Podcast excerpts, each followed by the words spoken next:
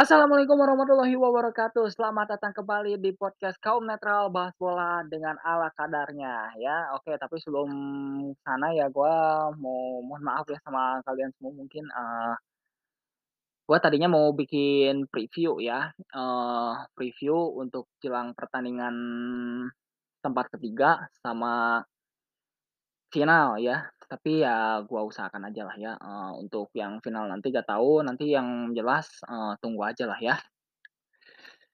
Oke.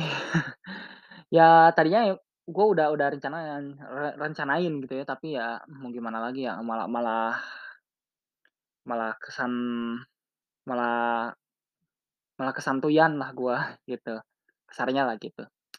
Oke, ya kita bahas satu match aja ya di tempat ketiga, third place FIFA World Cup Qatar 2022 antara Kroasia versus Maroko. Ya, yang akhirnya dimenangkan oleh Kroasia dan dengan hasil ini, eee, Kroasia menjadi juara ketiga di Piala Dunia edisi 2022 di Qatar setelah mengalahkan Maroko dengan skor 2-1 dan gol ini dicetak oleh Gvardiol dan juga Orsic ya di menit 7 dan juga menit 42 dan gol balasan 2 menit kemudian setelah 1-0 disamakan oleh Achraf Dhari. Nah, oke, kita review aja ya. Sebenarnya memang, eee, dari pertandingan ini, banyak yang mengunggulkan Maroko untuk menjadi juara ketiga, gitu. Entah kenapa, di pertandingan ini tuh beda banget sama, eee, Maroko di pertandingan-pertandingan sebelumnya, baik itu 16 besar, perempat final, maupun semifinal, gitu ya. Dan ke semifinal ya terseok-seok gitu ya sama Prancis yang notabene mainnya 5 lawan 5 gitu ya. Nah, di mana di babak pertama banyak sekali salah passing, banyak sekali yang build up-nya itu nyaris ancur-ancuran. Dari Yasin Bono, nyaris melakukan gol bunuh diri gitu ya. Saat dia melakukan build up di area kotak penalti, nyaris bola mengarah ke gawang sendiri gitu. Dan akhirnya berbuah corner dan kemudian peluang pertama diciptakan di sana. Ya, dari Kroasia. Nah, kemudian lahirnya gol dari seorang Joško Gvardiol itu berawal dari set play dari pemain Kroasia, gak tahu gua siapa, yang jelas awalnya mengenai Ivan Perisic dan Ivan Perisic gak mampu untuk, eee, melakukan killing the game pertama gitu ya. Melakukan first blood gitu, bukan killing the killing the game. Melakukan first blood gitu ya, eee, ke gawang Maroko dan akhirnya muncul seorang Gvardiol yang tidak bisa dikawal dengan baik oleh Sofyan Amrabat dan juga Achraf Dhari maupun juga bek-bek dari timnas Maroko, beng langsung 1-0 ya. Sundulannya lumayan tajam ya dari seorang Gvardiol nih, ya emang rata-rata kalau kalau bek itu, eee, sundulannya tuh tajam-tajam gitu ya kalau kalau di saat, eee, striker-nya tuh sulit untuk mencetak gol, gitu ya.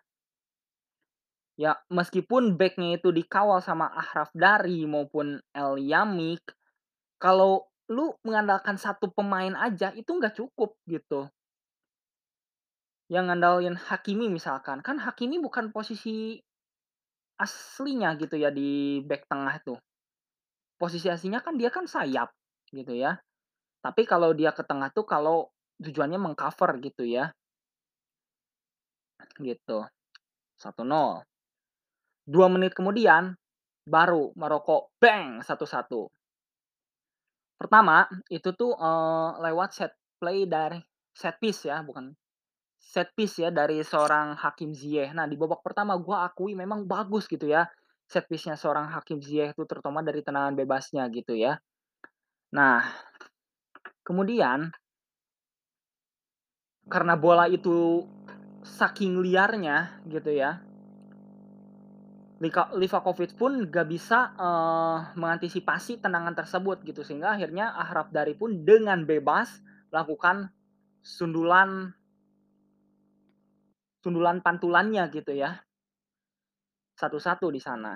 Nah, setidaknya memang Maroko ini memang bermain cukup agresif gitu ya di babak pertama, gitu ya. Tapi kadang-kadang banyak sekali, eee melakukan pelanggaran yang nggak penting gitu ya. Banyak sekali diving, kemudian, eee, pelanggaran ataupun offside gitu kadang-kadang seperti itu. Nah ini jujur ya, saya gua gua agak agak pesimis gitu ya, sehingga dengan penampilan Maroko saat ini gitu ya, terutama di penampilan tempat ketiga gitu ya. Tapi ya mau gimana lagi gitu ya, karena, eee, Kroasia saking banyaknya create chances gitu ya dari tim Kroasia, dia ya dia mampu, eee memainkan serangan passing direct maupun juga, eee, shooting direct gitu ya. Bahkan tendangannya Modric aja itu nyaris berbuah gol.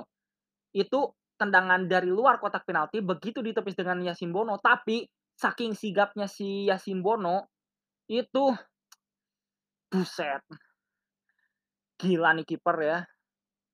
Memang bener-bener dia tuh, eee, punya jiwa bela negaranya itu tinggi banget gitu ya, saking nggak mau kebobolan gitu ya.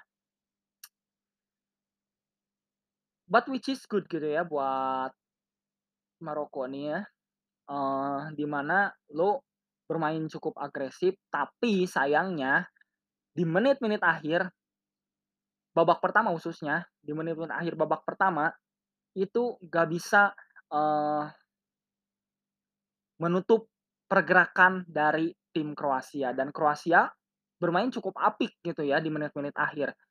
Dan terutama gol dari Orsic, jujur ya, itu golnya itu jatuh dari langit itu menurut gua. Kenapa? Karena dia tuh tujuannya itu adalah melakukan, eee, tendangan spekulasi gitu.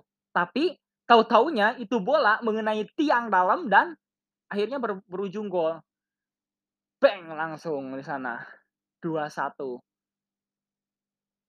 Ya sampai akhirnya ya, eee, Maroko harus benar-benar merombak permainannya gitu ya untuk bermain seperti di lawan Belgia, Spanyol maupun juga Portugal gitu ya, bermain lebih agresif.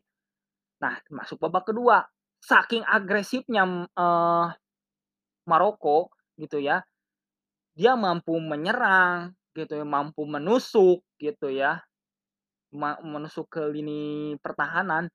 Di babak pertama memang, eee, nggak jauh beda gitu. Dia mampu menusuk ke lini pertahanan, sehingga banyak sekali peluang-peluang yang tercipta gitu ya di depan gawang, tapi ya at least lu harusnya bisa buat, eee, killing the game gitu, menyamakan kedudukan. Tapi entah kenapa banyak sekali protes-protes yang nggak penting gitu ya, eee, kayak misalkan Hakimi itu, eee, mungkin katanya harus harusnya itu pelanggaran gitu ya di area kotak penalti. Tapi ya wasit Abdurrahman Al-Jasim ini nggak bisa, eee, memberikan keputusan terbaik gitu ya. Maksudnya ya, eee, dia tidak bisa memutuskan bahwa itu tuh pelanggaran gitu, tapi, eee, dilihatnya itu, eee, bukan sebuah pelanggaran gitu ya, kayak yang ya kayak yang kepeleset gitu ya. But that's okay gitu ya buat Maroko di awal menit-menit awal babak kedua. Ya tapi, eee sejak menit 75 bermain lebih agresif lagi. Tapi create itu nggak terlalu banyak gitu. Akhirnya ya, eee, Kroasia bermain lebih simpel gitu ya. Biarkan mereka menyerang, baru dia, eee, kalau dapat bola langsung berikan ancaman gitu, terutama counter attack-nya gitu yang cukup cepat gitu ya. Bahkan sirkulasi bolanya bahkan lebih lebih cepat Maroko ketimbang Kroasia gitu ya, dan Kroasia ya agak sedikit lambat gitu ya, yang terlalu, eee, menunggu counter attack gitu ya. Sedangkan kalau Maroko, itu mau keadaan apa pun, mau mainnya terbuk lawannya main terbuka gitu ataupun mau mainnya kayak gimana dia mampu bermain lebih menekan gitu ya. Dan ya bisa dikatakan main under pressure gitu ya. Tapi ya, permainan dari Maroko ini memang ngaruh banget kalau nggak ada si Romain Saïss gitu ya.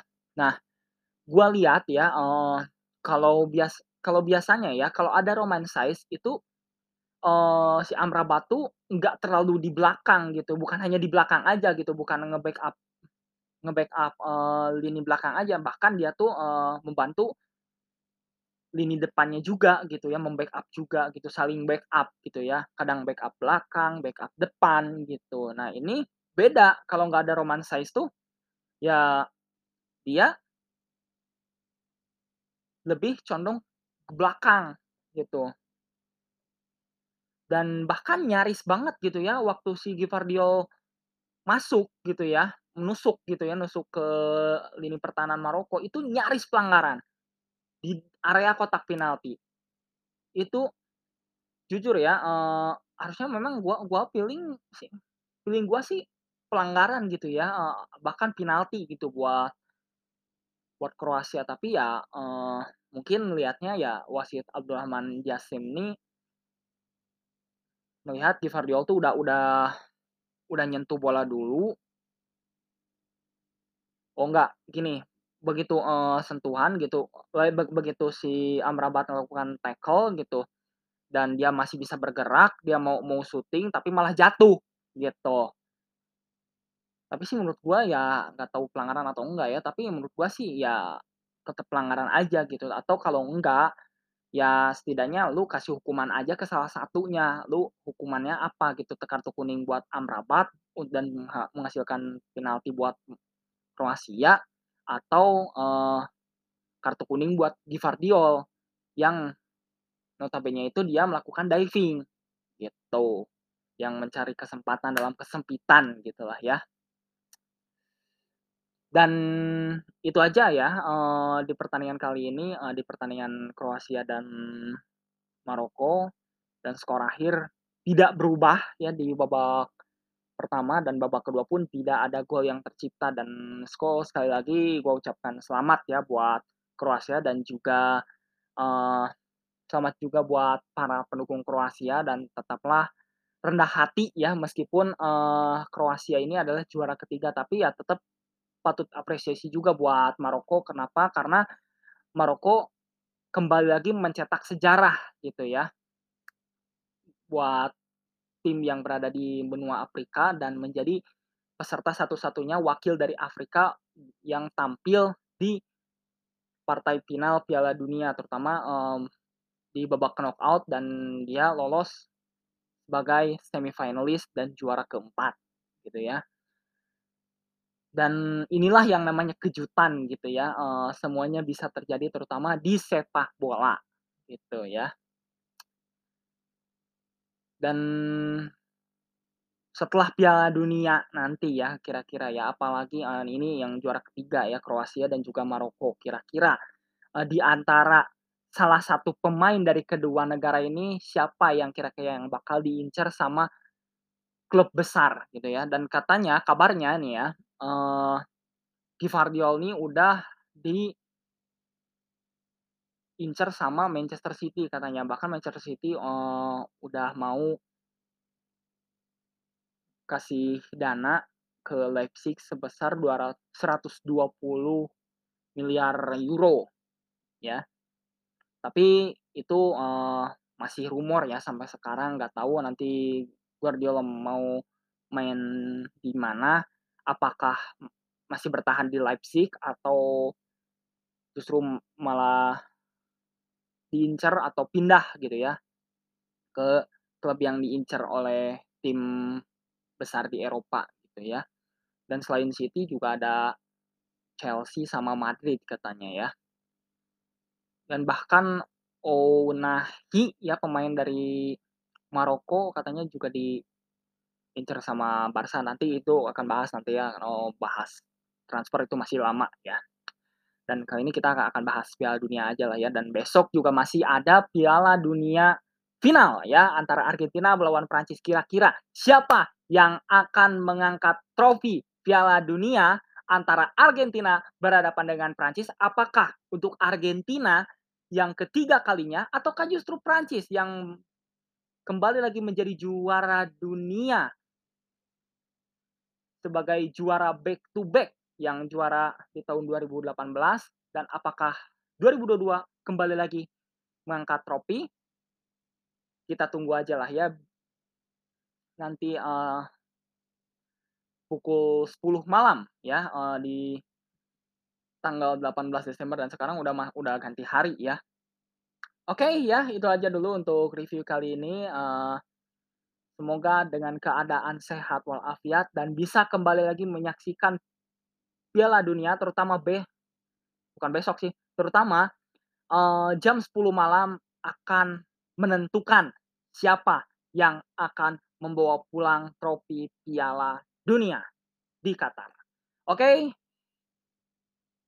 kita akan ketemu lagi di episode berikutnya, review final Piala Dunia Qatar 2022.